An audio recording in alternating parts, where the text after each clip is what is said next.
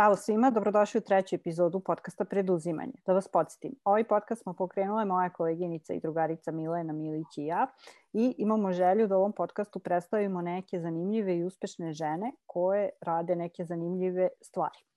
Ono što je nama ideja sa ovim podcastom jeste da vas inspirišemo da i vi pokrenete nešto svoje, da počnete nešto da radite i da preuzmete sve u svoje ruke. Naša današnja gošća je Nana Radenković, a sada će nam Milana ispričati nešto o Nani. Da, kad sam, kad sam razmišljala kako te predstavim, uh, onda sam shvatila da kao nema, nema tu jednog načina, pa sam, uh, pa sam te nekako nazvala multimedijalnom ličnošću. Nana je uh, od svojih nekih umetničkih početaka kao istoričar umetnosti prešla malo više u biznis, odnosno menadžment u kulturi i završila sada kao preduzetnik, kao mentor, kao trener, uh, još mnoge neke druge stvari i pokrenula je neke fenomenalne projekte i programe od kojih je jedan NELT, o kome ćemo možda malo pričati kasnije. Uh, I sada je meni malo preizašlo da, da je tebi dve godine kao profesoru na Fakultetu za medije i komunikacije, tako da je to još jedna uloga u kojoj se ti nalaziš ovde i nama je jako drago da te ugostimo. Uh, i možeš nešto i ti da kažeš o sebi. Pa ne znam šta bih rekla osim hvala, hvala i hvala. Ovaj, hvala na pozivu i hvala na prepoznavanju. Ovaj, upotrebili ste dva epiteta uh, uh, uspešna i preduzimljiva, tako da sam ja u fazonu, ok, već ste me okarakterisali, no, visoka očekivanja će sada budu. Ali definitivno ono što, što mene nekako, uh, da kažem, karakteriše je ta neka multidisciplinarnost i uh, više stran, više strana neka, da kažem, identitet kako profesionalni, tako i neki lični. I ono što me u početku plašilo, kao nemam neku nišu, neku oblast u kojoj, da tako kažem, dominiram, imam utisak da je moj profesionalni put baš išao tako nekako šareno. Onda sam na kraju shvatila da je zapravo to meni neki osnov za učenje i iz te pozicije zapravo nalazim uh, neku vrstu i motivacije za deljenjem znanja i iskustva. A ono što, što je zanimljivo što se rekla vezano za to kao šta su neki moji počeci, dakle to, to što sam studirala recimo istoriju umetnosti e, je toliko nebitno vezano za mene, a s druge strane dosta toga je počelo odatle. Dakle, iz te neke pozicije zapravo širine i nekog potrebe da, da se široko postavim u trenutku nekog ranog učenja, ovaj, odatle sam da onda kao birala neke druge puteve, ali kao recimo da je to u tom trenutku nisam znala šta će biti kad porastem. Mislim, ne znam ni sada, ali dobro. Ja sam baš htela da te pitam da li sada znaš šta želiš da budeš kad porasteš, ali izgleda da svi imamo malo problema sa tim. ovaj, uh, ali ja tu počela smo da pričamo malo i o tome šta nas je sve zadesilo ovih poslednjih meseci, pa ovaj, ja bih htela da te pitam šta je ono što je tebe najviše iznenadilo, i pozitivno i negativno, recimo u poslednjih šest meseci. E, pa iznenadilo me e, e, na neki način do koje mere e, smo nespremni na planetarnom nivou da se e, uhvatimo u koštac sa nekim planetarnim izazovima I ovo je po mom mišljenju prvi put e, da e, imamo vizualizaciju, dakle i osjećamo nešto na ličnoj koži. Ajde da kažemo da su ekološki izazovi ono što je pandan ovome što nam se trenutno dešava, ali nekako delovalo je kao tu je, ali imamo kao vremena tim da se bavimo, iako nam sve, sva istraživanja, boga mi činjenice pokazuju da nemamo vremena, ova pandemija je nekako pokazala ubrzano da kada imamo probleme koji se tiču svih nas na planeti, nemamo platformu za delovanje. I to je onako bilo po meni prilično uh, de, kako bih rekla, uh, de, demotivišuće, jer mislim da ovako neka partikularna rešenja koje svaka država, svaki okrug, svaki grad donosi, uh, može da doprinese nekom mikro, mini rešenju koje su kratkoročna, ali ne vidim uopšte mogućnost da sa ovim, sa čime se trenutno jeli, svet e, suočava, da možemo na pravi način da mu se, da mu se suprotstavimo ili da, mu, da ga uhvatimo u koštac. Tako da to mi je bilo neki podsjetnik i, i, i pod, još jednom sam potvrdila sebi iz koje pozicije želim da delujem, a to iz te pozicije šire slike i sagledavanje nečega na širem polju Jer ako odemo u partikularno i u nešto, da tako kažem, pojedinačno, samim tim i impakt može biti vrlo partikularan. To je jedna stvar. A druga stvar koja, koja mi je ovaj, na neki način bilo mi je drago je da se neke vrednosti zapravo, da se nekih vrednosti podsjetimo ili da ih utvrdimo. I obradovalo me kad sam videla koliko smo osvestili da neka, e, neke profesije i neki, da tako kažem, ljudi su zapravo ti, da tako ne znam kako bih ono, potrebila ono essential workers. Dakle, neki ljudi koji su izgubili poštovanje kako ekonomsko, društveno ili bilo kako koje drugo u našim društvima, pričam na planetarnom nivou, od nastavnika, profesora, prodavaca, kasirki, dostavljača, poštara, dakle sve te neke profesije za koje e, su bez ikakvog prava izgubile dostojanstvo i samim tim neku finansijsku stabilnost, mi smo ovde dobili jedan na jedan uvid u to da to ne sme da bude tako. Tako da to mi je nekada, da kažem, druga strana medalje. E, s druge, i neka privatna, da tako kažem, percepcija bi mi bila ta da sam se još jednom potvrdila koliko mi je važno da budem blizu ljudi, da imam fizičku e, neku interakciju s ljudima, koliko mi je važno da izađem i da džuskam i da slušam muziku, koliko mi je važno da budem u prirodi i da ne budem u četiri zida. Tako da neke stvari su ubrzanim, da da kažem, tempom ovaj, mi, mi pomogle da, da neke stvari još jasnije vidim. Hvala ti na ovom zanimljivom odgovoru. Mislim da svi treba da se zamislimo o, o tome kako, kako sami možemo da doprinesemo tome da, da ovo nekako se prođe što bezbolnije kako na našem mikronivou, a tako i, i nekako globalno. Ovaj, takođe si pomenula i ovaj pre, o, o, pre ovog mog pitanja da o, sa, imaš puno uloga ovaj, i da sebe vidiš u puno uloga, pa ovaj, koja ti je uloga trenutno najdominantnija, a koja ti je najdraža?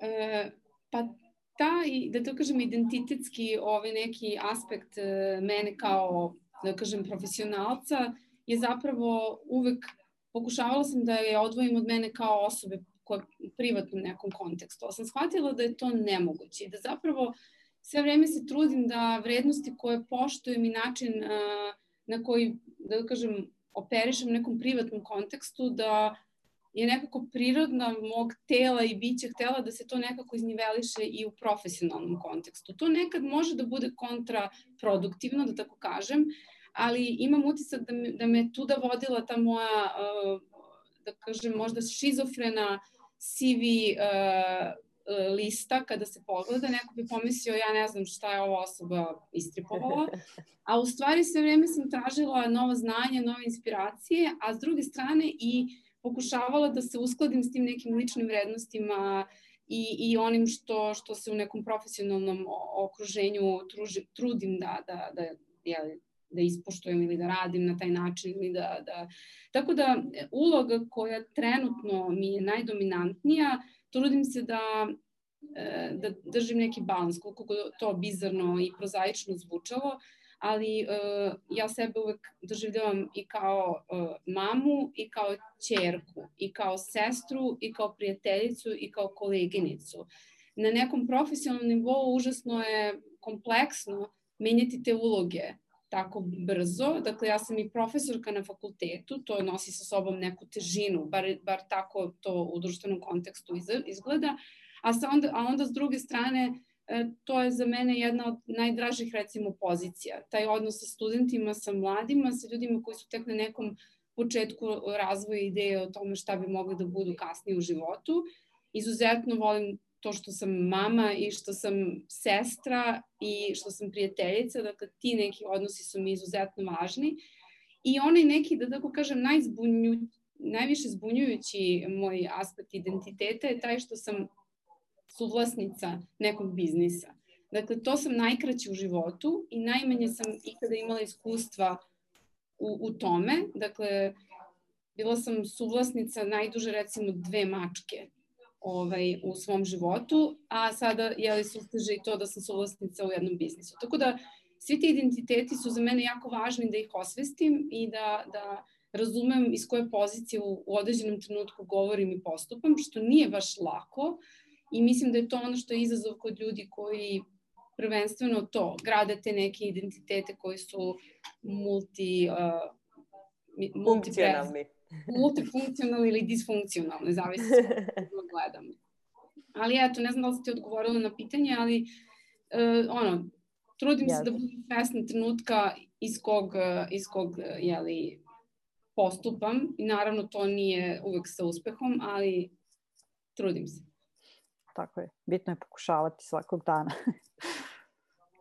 Uh, ja, hvala ti na odgovoru. Sad, kako smo krenuli pričamo, shvatila sam koliko dugo nismo pričala i kako mi nedostaje ovaj razgovor sa tobom. Sjetila sam se toga da nešto što sam napisala ovom intru, ali nisam ga, nisam ga da rekla. Kad sam te upoznala, pomislila sam kad porastim želim da budem Nana. Tako da, to nekako baš, baš mi je lepo što si nam gost ovde.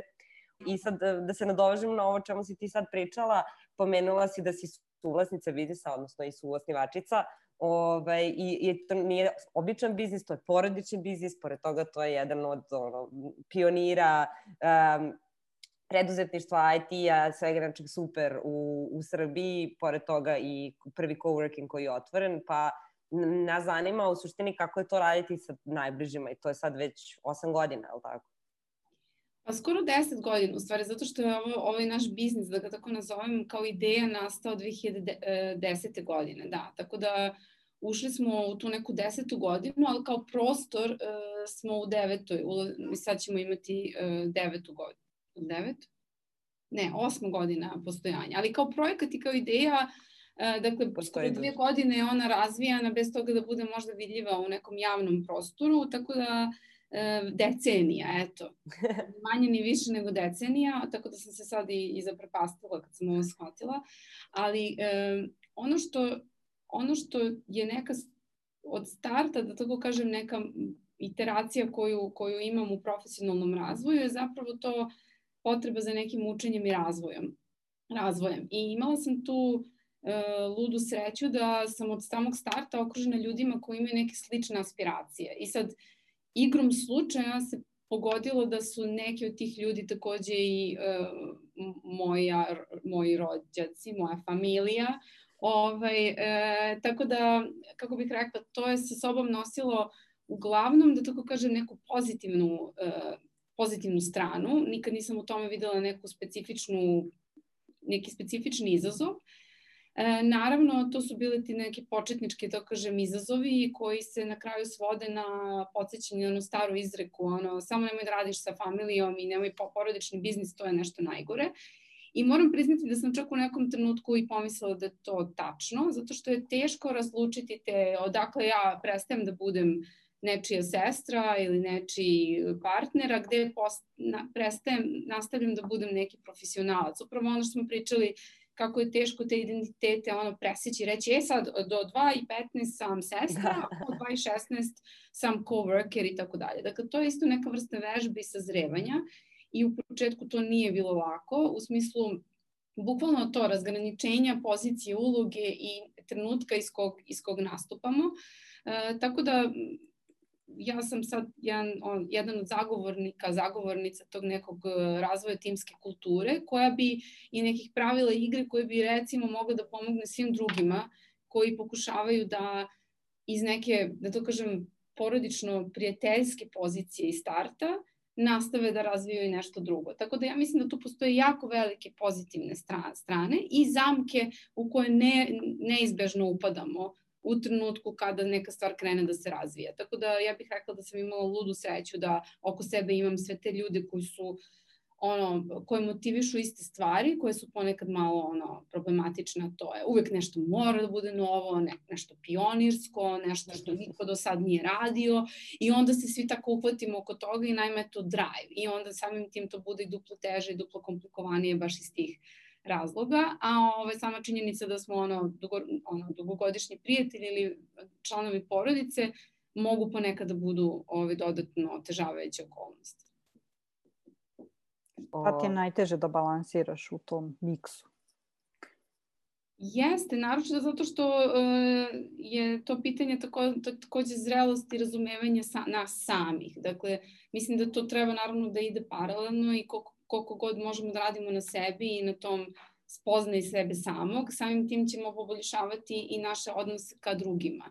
I naravno to je nužno kada sarađujemo, bilo da imamo našu firmu pa sarađujemo u okviru firme ili naša firma u okviru nekih spoljnih saradnji ovaj, jeli, šire i uže, u širem i užem kontekstu.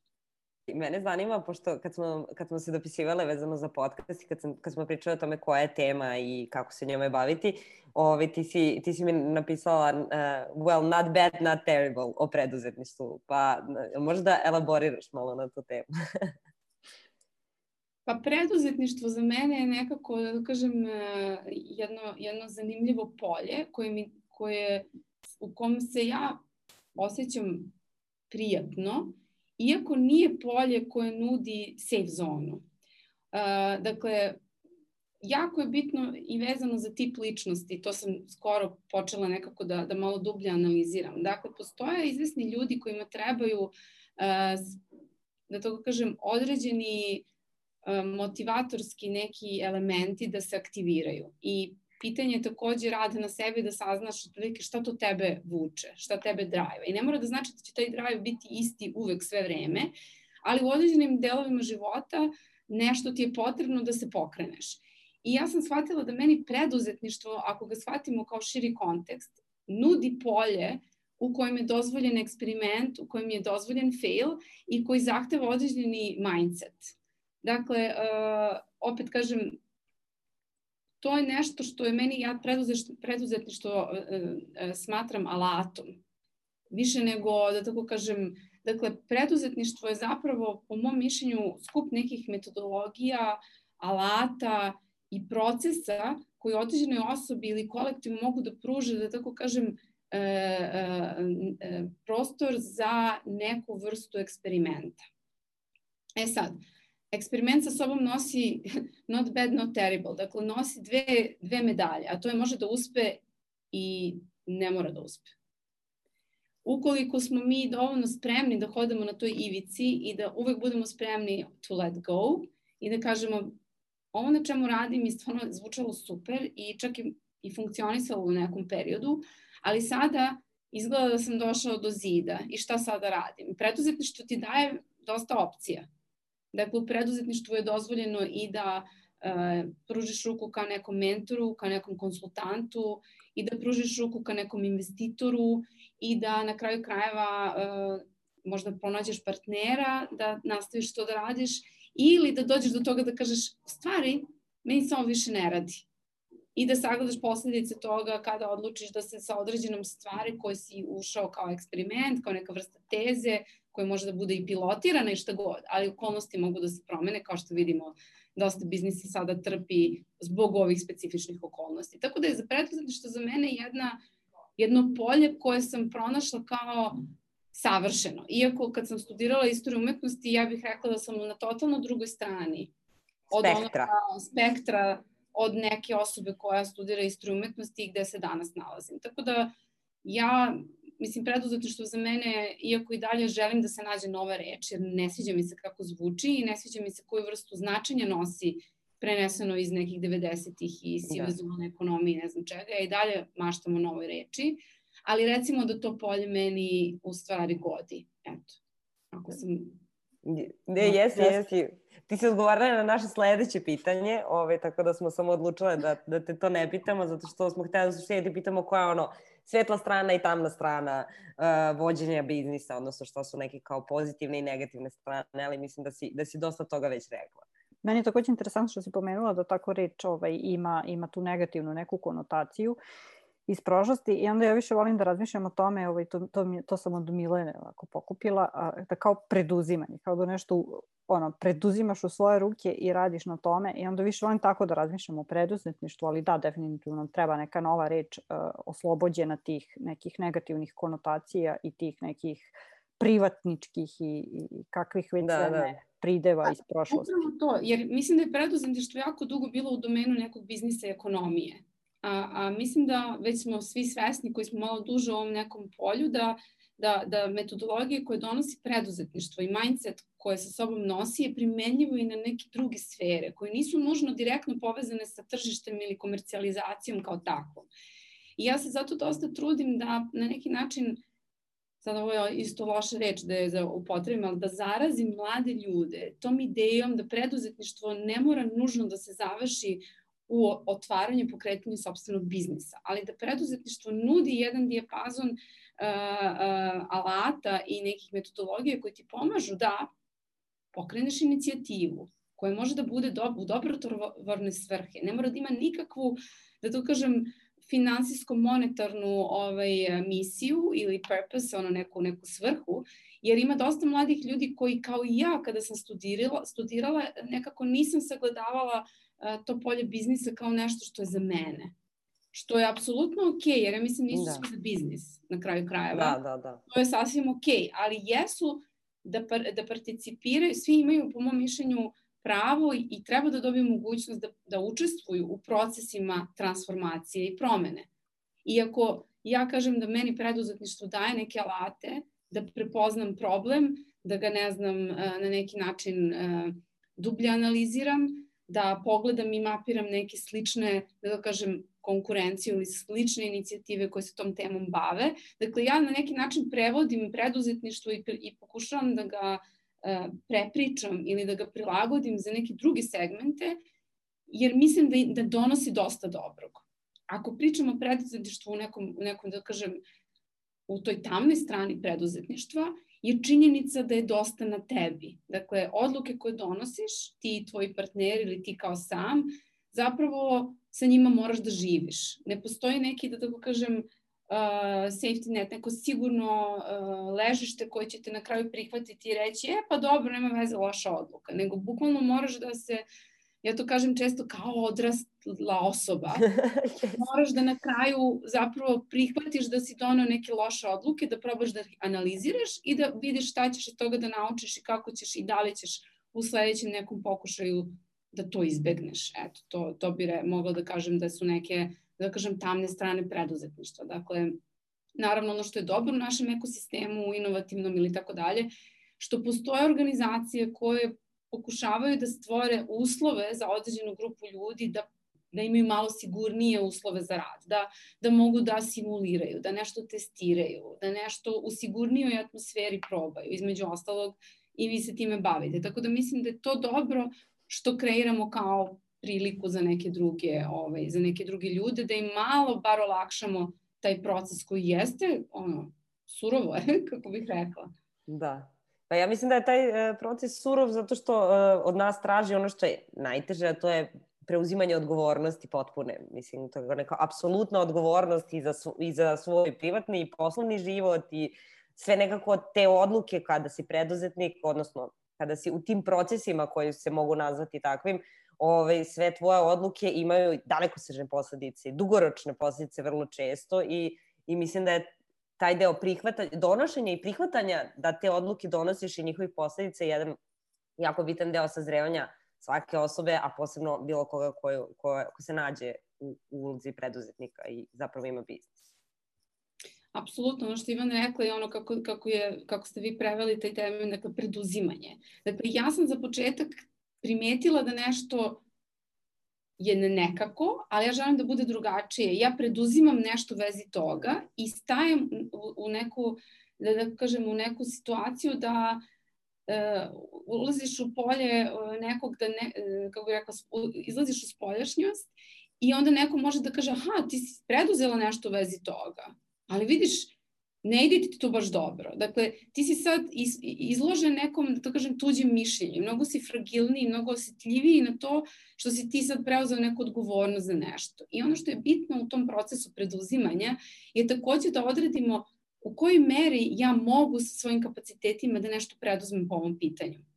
Ono što ja mislim i gde je moje neko viđenje da ovaj svet je pun problema i izazova I mislim da postoji posao za svakog od nas da preduzme nešto, da, ga, da stvari poboljša.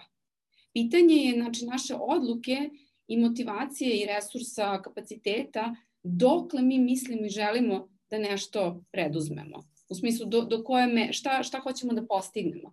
I mislim da nam je to zapravo neka, neko učenje, a to je da definišemo koliko mi možemo i znamo, koliko nam fali da dostignemo do još malo boljeg ali koliko je maksimum koji mogu da dam i da sa mirom mogu da kažem nekom da, ja sam preduzela nešto po tom pitanju, ali nisam mislila da rešim svih ovih 17 stvari koje u tom polju postoje kao izazovi i problemi. Fokusirala sam se na ovu jednu ili dve i vidjet ću šta će iz toga da izađe, zato što sad trenutno testiram, pa ću znati za neko vreme da li sam poboljšala situaciju od tačke A kada sam krenula. Tako da mislim da i tu neka očekivanja, ono, seto, nameštanje očekivanja od samog sebe, jasno definisanje u odnosu na spoljnu sredinu, šta ja hoću da radim i dokle hoću da stignem i razumevanje da su tu i drugi ljudi koji se bave sličnim stvarima i pozivanje drugih da se meni priključe ukoliko nam se poklapaju ciljevi, misije, vrednosti, šta god. Tako da po meni to je jedna ono, da to kažem, vrlo racionalna i lako razumljiva igrica ako je shvatimo da je inkluzivna, da svima je dozvoljeno da u tome učestvuju.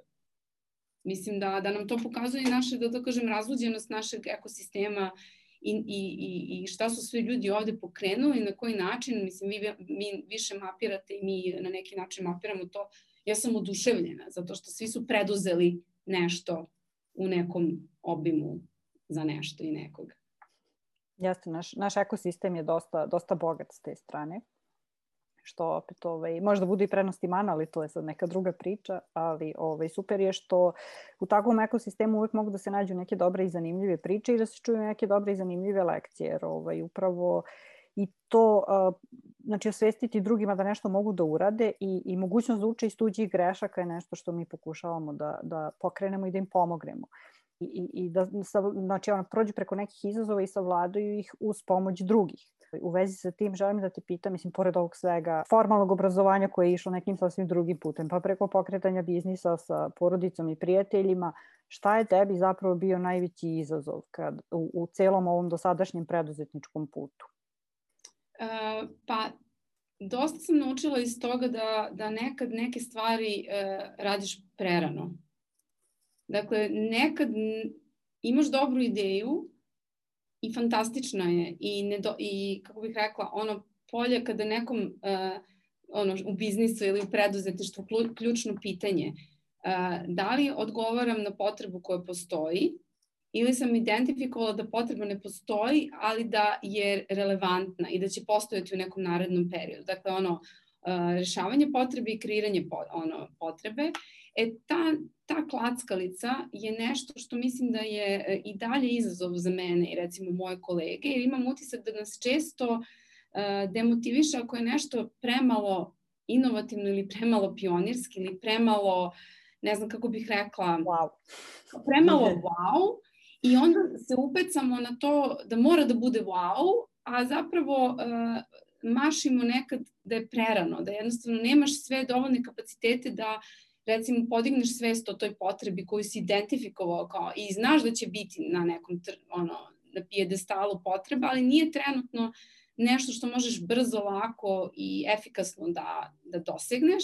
E mislim da, da tu da ta greška i ta neka proces sazrevanja je nešto što, što čega sam svesna i opet kažem to je opet klackalica i pitanje određenih, uh, određenih da tako kažem, prilika i okolnosti na koje treba da budemo osetljivi, da ih dobro razumemo i zapravo da budemo svestrani. Zato što postoje, videli smo i sami, postoje neke inovativne ideje, to jest postoje neki biznisi koji su jako brzo i lako napredovali, ali kada ih ogolimo na, na suštinu ideje, ona na kraju ne deluje toliko inovativno. Mislim, to be honest, ono da budemo iskreni ali situacija i okolnosti i trenutak u kojima su se desile su imale veću ulogu u, toj, u tom procesu uspešnosti, da tako kažem. Tako da, da, da čini mi se da tu je negde na, na tragu nekog, da to kažem, učenja i jako je teško preneti to znanje, iskustvo, kako da prepoznaš pravi trenutak i kako da određenu ideju koja je na papiru i ovako ono, u nekom testiranju deluje fascinantno i, i nešto zašto bi se ljudi ono, glasali na žiriju za dobru ideju, a onda ta ideja na tržištu može da bude da nema dobru prođu. I mislim da su tu neke tanane linije nekog, neki razmen iskustva i nekog učenja koje, u kojem mislim da, da je bitno da budemo prisutni i svesni i da ga osvešćujemo i da o tome razgovaramo na kraju krajeva. Recimo, to bi mi bila neka, neka činjenica koju sam često kad sam se vraćala unazad, kao, i, kao neku vrstu merenja nekih, da kažem, uspešnih ili neuspešnih iteracija. Često sam dobijala ono, uh, uh, uh, imala situaciju da zaključim, izgleda da je ovo bilo prerano, loš trenutak. I onda dođe dobar trenutak kad ti si već nekako se istrošio na tome i imaš potrebu da radiš nešto drugo i tako dalje. Dakle, tu, tu vidim da, da kao pojedinac i kao neko ko, ko je deo jednog, da tako kažem, tima, deluje mi da nekad imamo taj izazov, recimo. No, super je što ste toga svesni, pa onda možete ovaj, da radite dalje na, na tome. Apsolutno. Pa to je tako, ja mislim kad si, tim, uh, kad si deo tima ekstremnih inovatora, mislim da nekako, i sama si rekla da kao vaše ideje i, i nekako kako vi funkcionišete jeste da želite da, da, da to sve bude izuzetno novo i onda neminovno nailazite na, na takvu vrstu izazova. Pa da, evo, ono što si rekla na početku, dakle mi jesmo prvi kreativni hub na Balkanu i prvi cowork space u Srbiji. I ja kažem, zavidim svima koji su bili drugi ili treći, zato što ne samo da smo mi delili znanje i ono bili prisutni i kao hteli da pričamo o nekim failovima, nego si ti već imao uh, malo uh, edukovanije tržište u nekoj, da to kažem, neko, za neko koji je došao drugi ili treći, nego za neko ko je krenuo prvi. I onda je zapravo imam utisak da smo trošili energiju, vreme, novac, šta god, mnogo više na, na uh, podizanju svesti o nekoj potrebi i o tome da ti imaš proizvod ili uslugu koju tu potrebu može da podmiri. I zato kažem da smo nekad neke stvari su duže trajale i imale nedovoljno zadovoljavajući odgovor od strane tržišta u odnosu na to što smo mi pa mapirali u procesu analize ili kao donošenja odluka da je to sad to. Idemo s tim i tako dalje. Tako da s te strane mislim da, da, da nekad treba biti malo istrpljiv i možda mudriji, da tako kažem, ali opet pitanje i tipa ličnosti. Zato što ja mislim da za mene i moj tim često su uh, drive-ovi, dakle ti neki pokretači, upravo ti. Hajde da naučimo nešto novo, ovo će biti baš izazovno i teško, ali mi to hoćemo da uradimo. I sad pitanje je naravno i tog nekog planiranja i na taj način rada, a s druge strane i pitanje toga šta motiviše tvoj tim. I to mora da se na neki način takođe shvati, zato što je motivacija izuzetno bitan faktor u, u radu.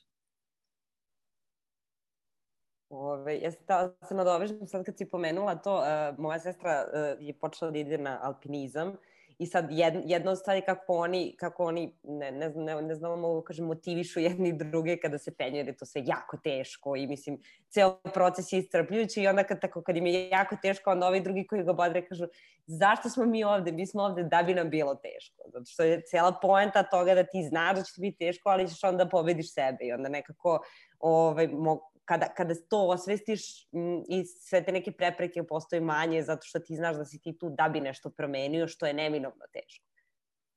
Pa jeste, ali isto je pitanje, da, ono što vremenom valjda shvatiš, je da, da moraš da tempiraš i da sebi daješ neku vrstu um, okvira za rad. I onda smo mi posle jeli par godina tog nekog e, načina, dođeš do zamora materijala i onda kažeš, ok, mora nešto da se promeni, moramo nešto da uradimo. I mi sad imamo neko, da kažem, internu nepisano pravilo, ali po pitanju eksperimenta i uvođenja nekih pionirskih ili novih stvari, mi sada kažemo naša organizacija će na godišnjem nivou 20% da inovira.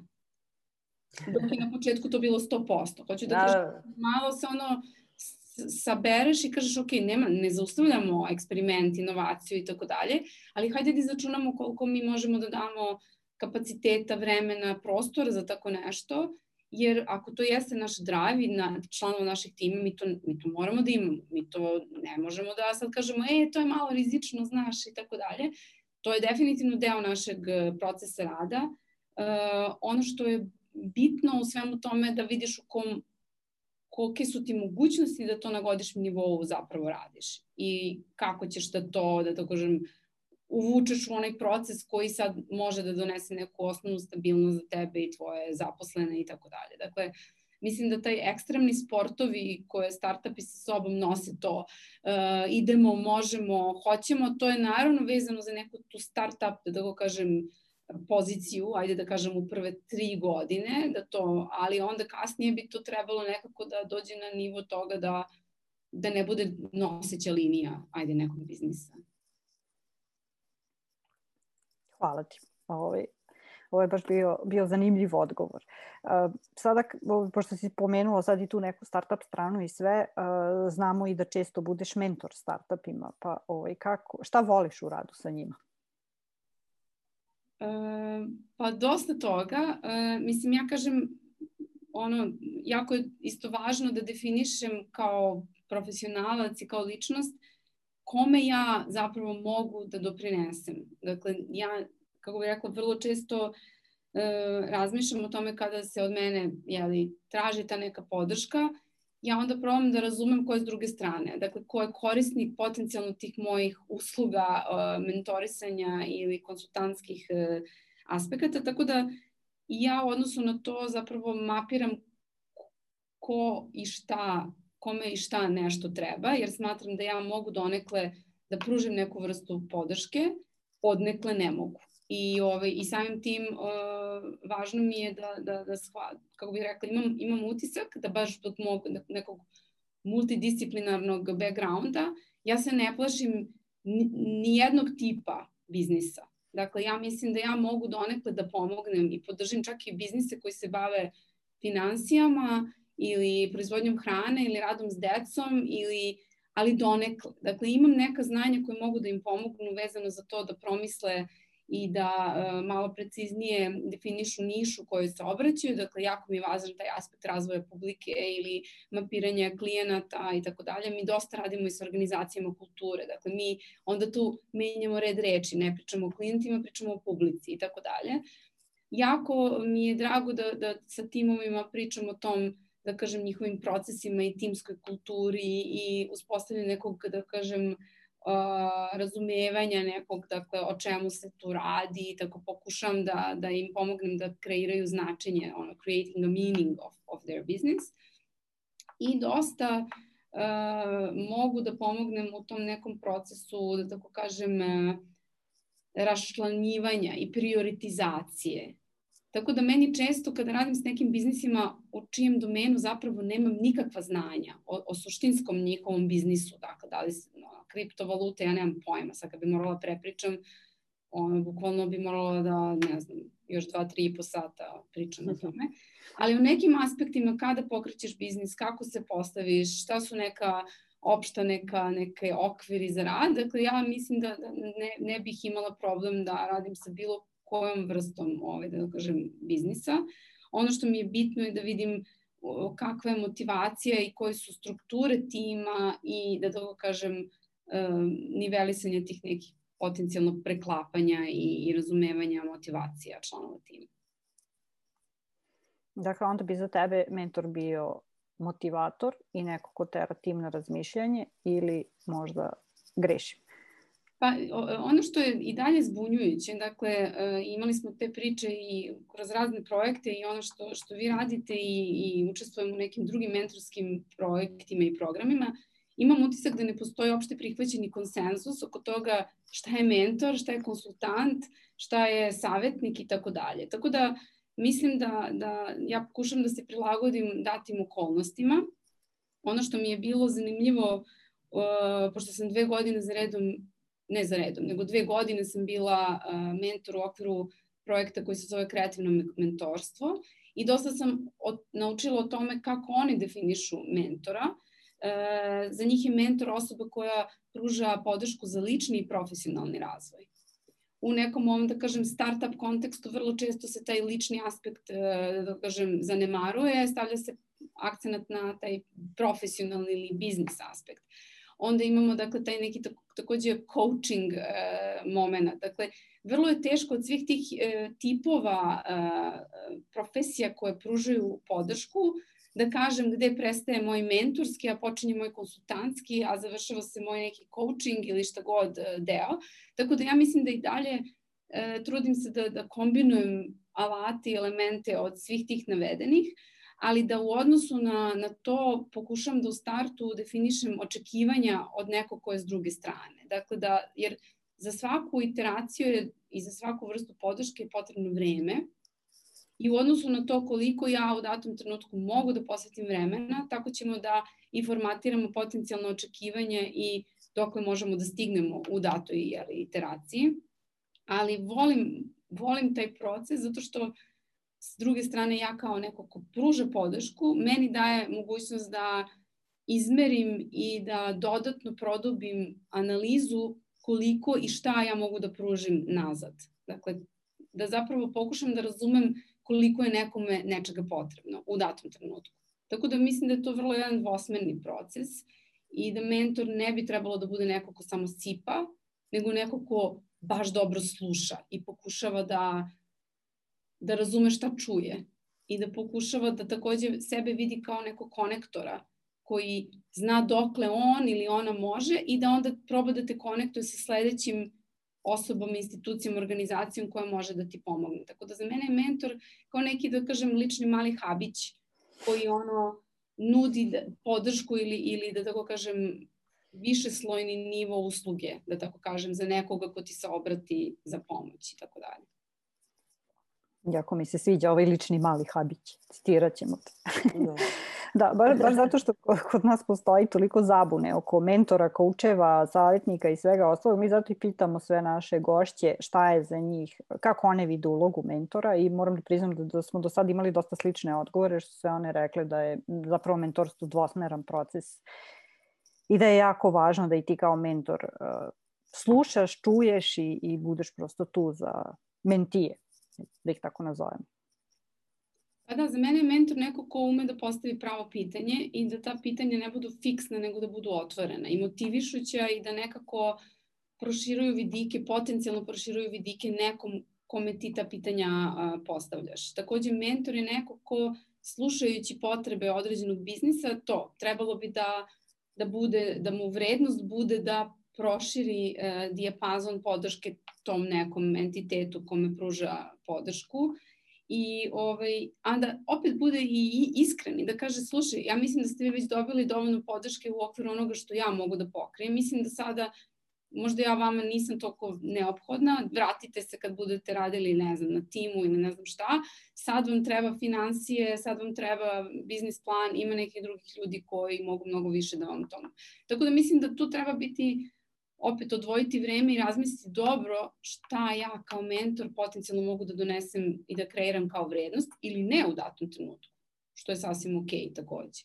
Ja mislim da, da je dosta bitno, meni je dosta bitno ono što si ti pomenula, da, da mentori su prosto tu i za lični i profesionalni razvoj. Mi kad smo kreirali mentorski program za preduzetnice gde, gde smo pre toga mapirali da postoji nedostatak te psihološke podrške i neke strukture koja pomaže preduzetnicima da se one osjećaju bezbedno u toj u kojoj se one odjednom nađu vrlo često iznenada.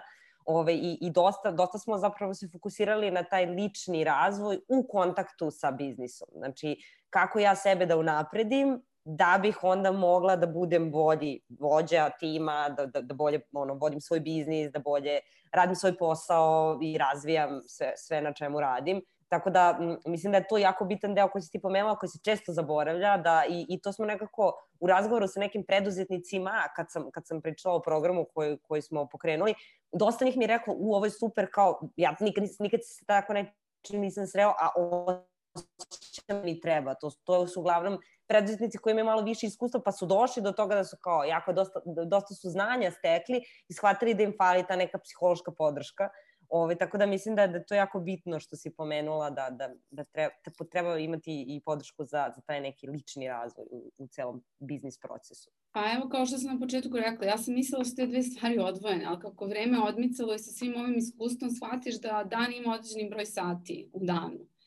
I u tom danu, ako ti kažeš ja sam do četiri ono, profes, profesionalna osoba, a od četiri, pet sam ova druga osoba, mislim da je jako teško da održiš neku vrstu, ne znam, kompaktnosti sebe kao bića. Tako da mislim da, da u tom nekom, nisam zagovornik toga da se radi ceo dan, naprotiv. Dakle, samo je bitno da nekako ta celina funkcioniše, jer ja mislim da dosta znanja koje dobijam u profesionalnom domenu, one ta znanja mogu, ako želim da primenim i u, u nekom, da kažem, ličnom aspektu, a mislim da je osnovna stvar, ono, ako pratimo neke linije procena, jeli, stručnjaka, šta su veštine nekog 21. 25. veka, one su sve vreme primenljive i na privatni život. Ako su veštine 21. veka, komunikacija, kritičko mišljenje, um, kreativnost e, i ne znam, kolaboracija, tebi je to neophodno da bi imao i privatan život koji funkcioniše. Ti moraš da znaš da komuniciraš, moraš da budeš prijemčiv za neki socijalni kontekst, bilo bi idealno da imaš analitičko i kritičko mišljenje da bi mogao da pročitaš vesti i da navigiraš sebe kroz dan u kompleksnosti koje ti jala, sleduju.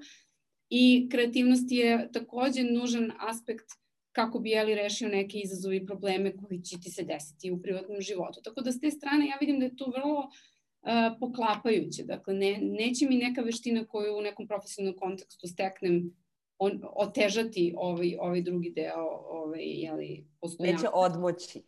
Neće odmoći.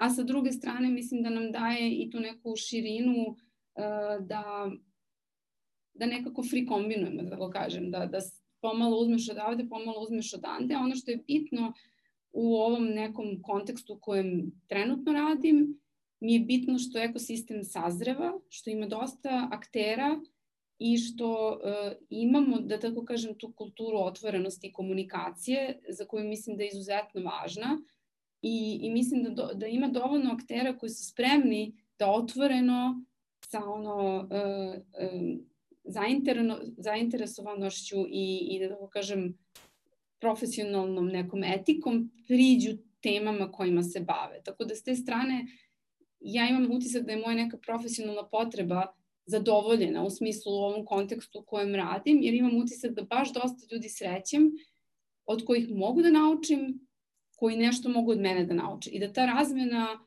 je vrlo dinamična. Ono što mi naravno nedostaje je da se to više dešava u fizičkom kontekstu, manje u ovom online.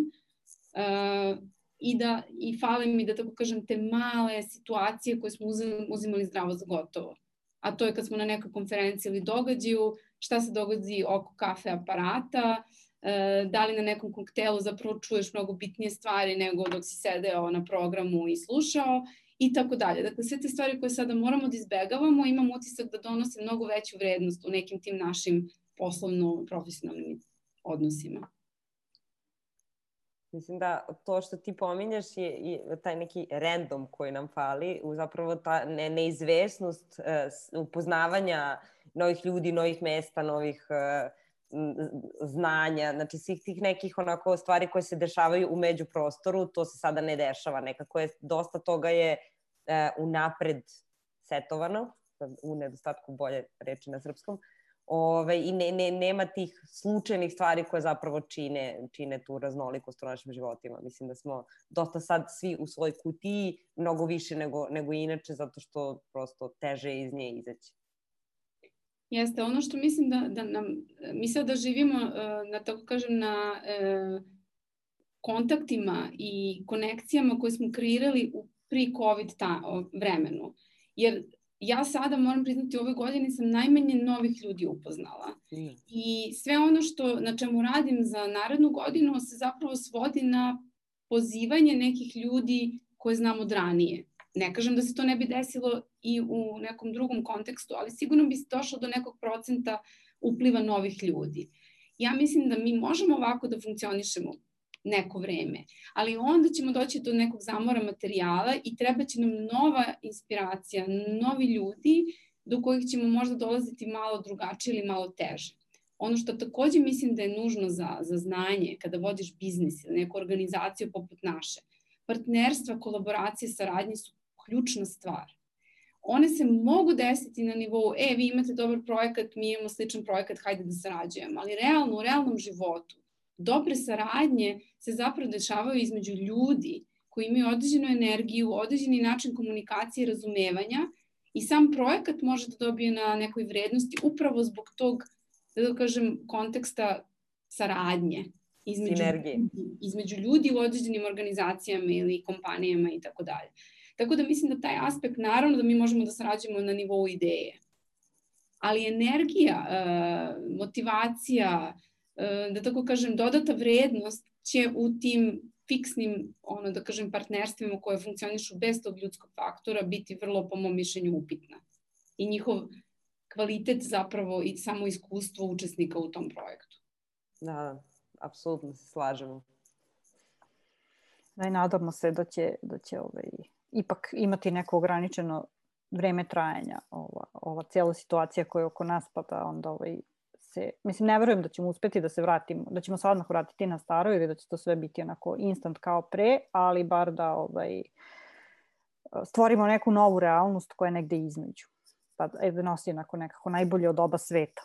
Ja, mi, ja se nadam da imamo te kapacitet, jer mislim da nam ipak e, e, ovo pokazalo takođe da mi možemo da redefinišemo način na koji radimo. Ne mora da bude fiksno. Može da bude par dana ovako, par dana onako, Možda nam stvarno ne treba petodnevna radna nedelja. Možda, dakle, sada nam je otvorena mogućnost da neke stvari preispitamo jer smo ih testirali. E, možda stvarno treba da prihvatimo da ljudi, različiti ljudi imaju različite potrebe načina, u načinu rada i da probamo da nađemo neku srednju vrednost. I mislim da s te strane ovaj, ovaj, e, ovo nam je pružilo, ovaj period nam je pružio priliku da testiramo neke stvari i da na neki način dovedemo u pitanje ako se vraćamo na staro, da li je to ispravno i tako dalje. Ali s druge strane, ono što, što mislim da treba da malo manje uzimamo zdravo za gotovo, upravo taj fizički aspekt u profesionalnom nekom i ličnom naravno kontekstu. Tako je, ljudski kontakt i neform, small talk i, i, i neformalne događaje i sve, sve što, pa da, kako rekao Milana, što je umeđu prosto. Da, skoro sam čula neku izjavu kao uh, kao do not say social distancing, it's physical distancing. Dakle, mi društveno, dakle, nekom, u nekom društvenom kontekstu treba da ostanemo u konekciji i da se ne di distanciramo, ali kao trebalo bi da smanjimo taj fizički ovaj, aspekt. Da, jako je važno to shvatiti jer ipak smo društvena bića.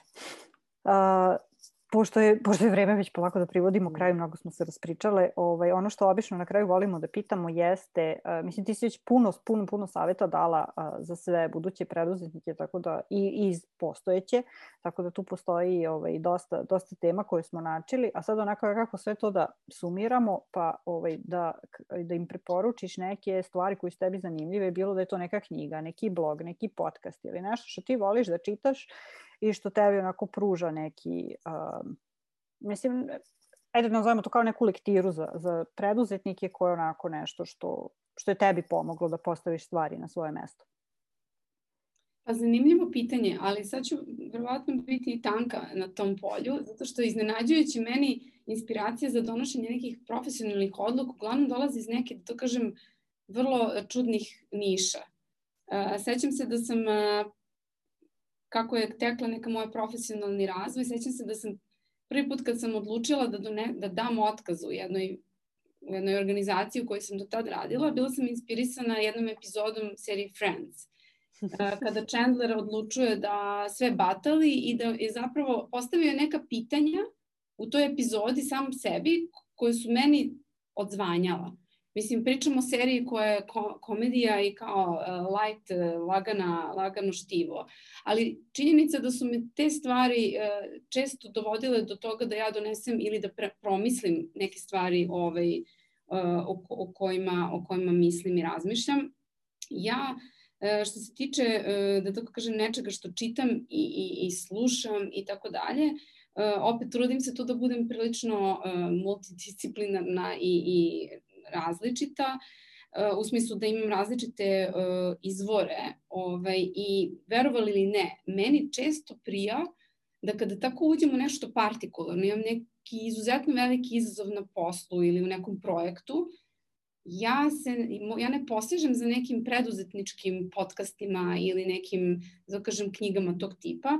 Meni prije da pogledam nešto što će mi pomoći da sagledam širu sliku i da sebe stavim u određeni kontekst i datu situaciju da malo uh, proširim. I onda uzmem pa gledam neke Stephen Hawking emisije o svemiru. I onda kao, aha, ok, ja sam samo jedna na tu tačkica i ovo sad što mene tišti je stvarno nebitno u nekom drugom kontekstu. Hajde da ga sagledam iz drugog ugla. Dakle, trudim se da se igram i da sebi pomažem da se premeštam iz nekih stolica koje su fiksne i zadate, uh, onda um, dosta me zanima ta neka vrsta uh, čitam dosta vezano za, taj, za te procese koji pomažu u, u, u mišljenju, recimo. Naravno, uh, tu, dosta se služimo tim sad već izvikanim design thinkingom, dakle, služimo se tim metodama koje nam pomažu da postavljamo prava pitanja, Mislim da je nedavno izašla ta knjiga Finesa izdala Design Thinking na srpskom, zato što sve ostale linkove oni su na engleskom. Ja kažem design thinking nije nešto što rešava sve probleme, niti treba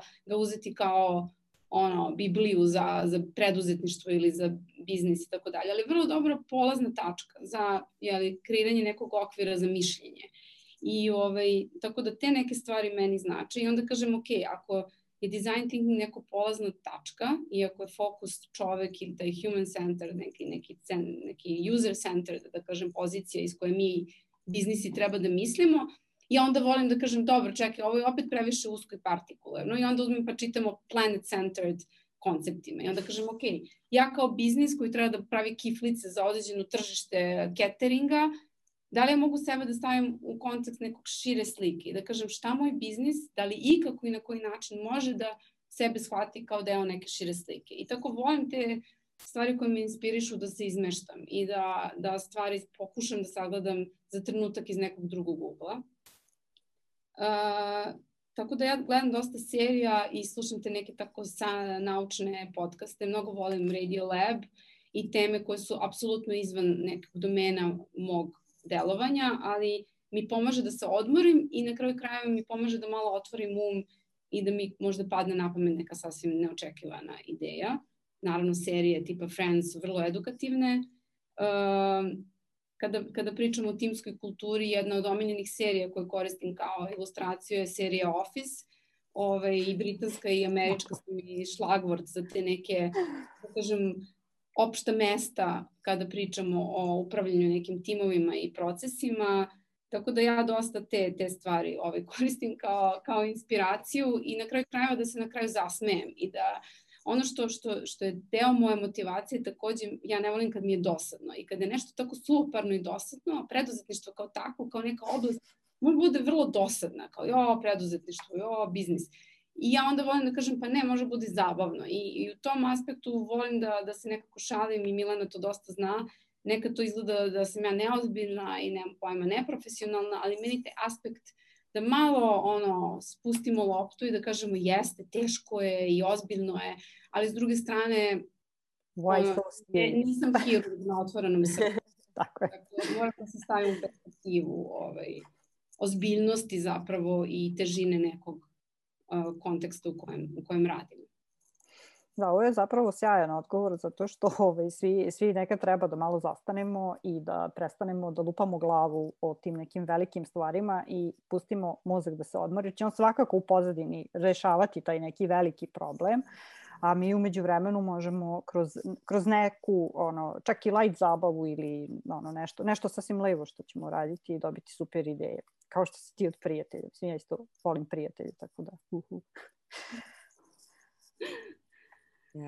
Divno, e, ovo, je, ovo je bilo baš e, onako kako sam, kako sam i pretpostavila da će biti, tako inspirativno i inovativno i e, baš mi je nekako e, nedostajalo da, da vodimo ovakve razgovore, zato smo između ostalih pokrenule ovaj podcast.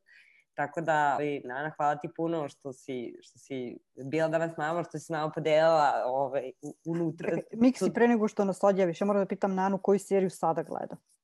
Pošto meni, ja, ja tražim što će sad početi da gledam sve sa A, okej. Okay. Tako... Pa trenutno, mislim sada kao tu novu sezonu Ricky Morty ovaj, animacije dosta mm -hmm. gledam i uh, od ovih nekih, da kažem, ozbiljnijih serija što sam poslednje gledala, pokušam da se setim, ali ovaj, uh, sad mi je stao mozak, ali gledala sam ove više, više animirane serije, dakle Big Mouth i te Rick and Morty i tako da. Zapravo upravo te serije koje koje e, do te mere e, problematizuju realnost i, i pokušavaju da nas dovedu u neku situaciju totalnog absurda, meni često prijaju i upravo to e, često meni budemo otvarajući moment da u nekoj nesvakidašnjoj situaciji, to je po mom mišljenju, dolaze najbolje ideje.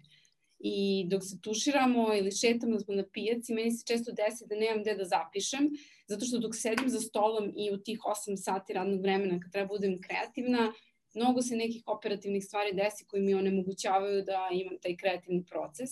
Tako da mislim da treba da hvatamo i da sebe motivišemo na razne načine da, da nam se to dogodi, jer je, bih rekla, nema tu radnog vremena za biti kreativan. tako je. Samo da, samo da se nadovežem na to što si rekla, postoji knjiga koja se zove Bored and Brilliant, ne mogu setim kako se zove ovaj, spisateljica, koja se baš bavi time, kako da bi, da bi uopšte naši kreativni procesi funkcionisali, mi moramo da imamo vreme kada ne razmišljamo aktivno o nečemu o čemu mislimo da bi trebalo. Znači da moramo sebi da damo vreme kada ne razmišljamo ni o čemu, kada gledamo u belo, kada šetamo, tuširamo se i nemamo nikakve druge nadržaje kako bi zapravo mo, naš mozak u pozadini mogao da, da donese neke bitne zaključke.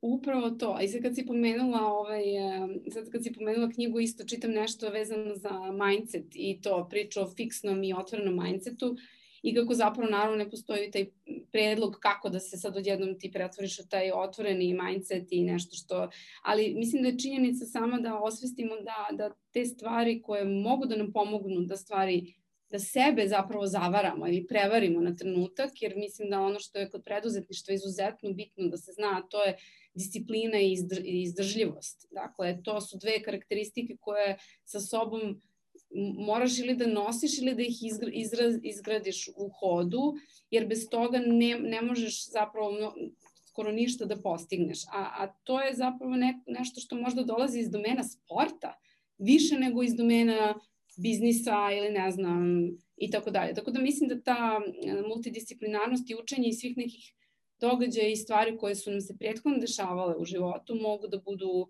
ovaj, od, od važnosti za neki naš dalji razvoj šta god budemo hteli u biznisu ili tako dalje.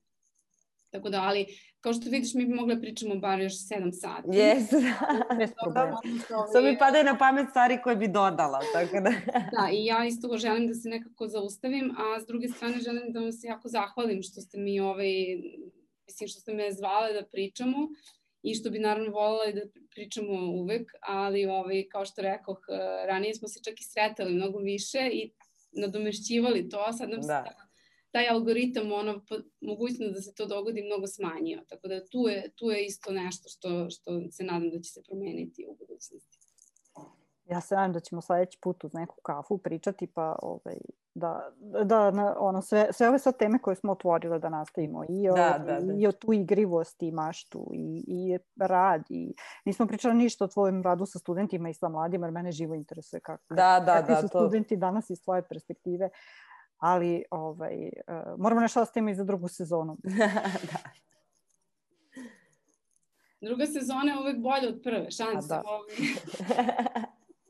Ovaj. ovaj, ali svaka čast za inicijativu i kao što rekoh, mislim da u našem ekosistemu stvarno ima jako puno zanimljivih ljudi ovaj, i e, na neki način sam počestvovala što ste mene svrstali u tu kategoriju, jer verovatno ovaj, listu imate veliku i stvarno znam jako puno žena, muškaraca, ljudi, devojaka, studenta i tako dalje koji nose neke fantastične priče, inicijative i bez toga, bez tih, da dokažem, motivišućih stvari, ja mislim da bi meni bilo teže da jeli, sve ovo što može da bude teško, not great, not terrible, da zapravo bude teže. Ali mislim da je podrška iz ekosistema sa deljenjem priče jedna jako važna stvar. Hvala ti što si podelila svoju priču sa nama i kao što rekoh, nadam se da se uskoro vidimo i na nekoj kafi.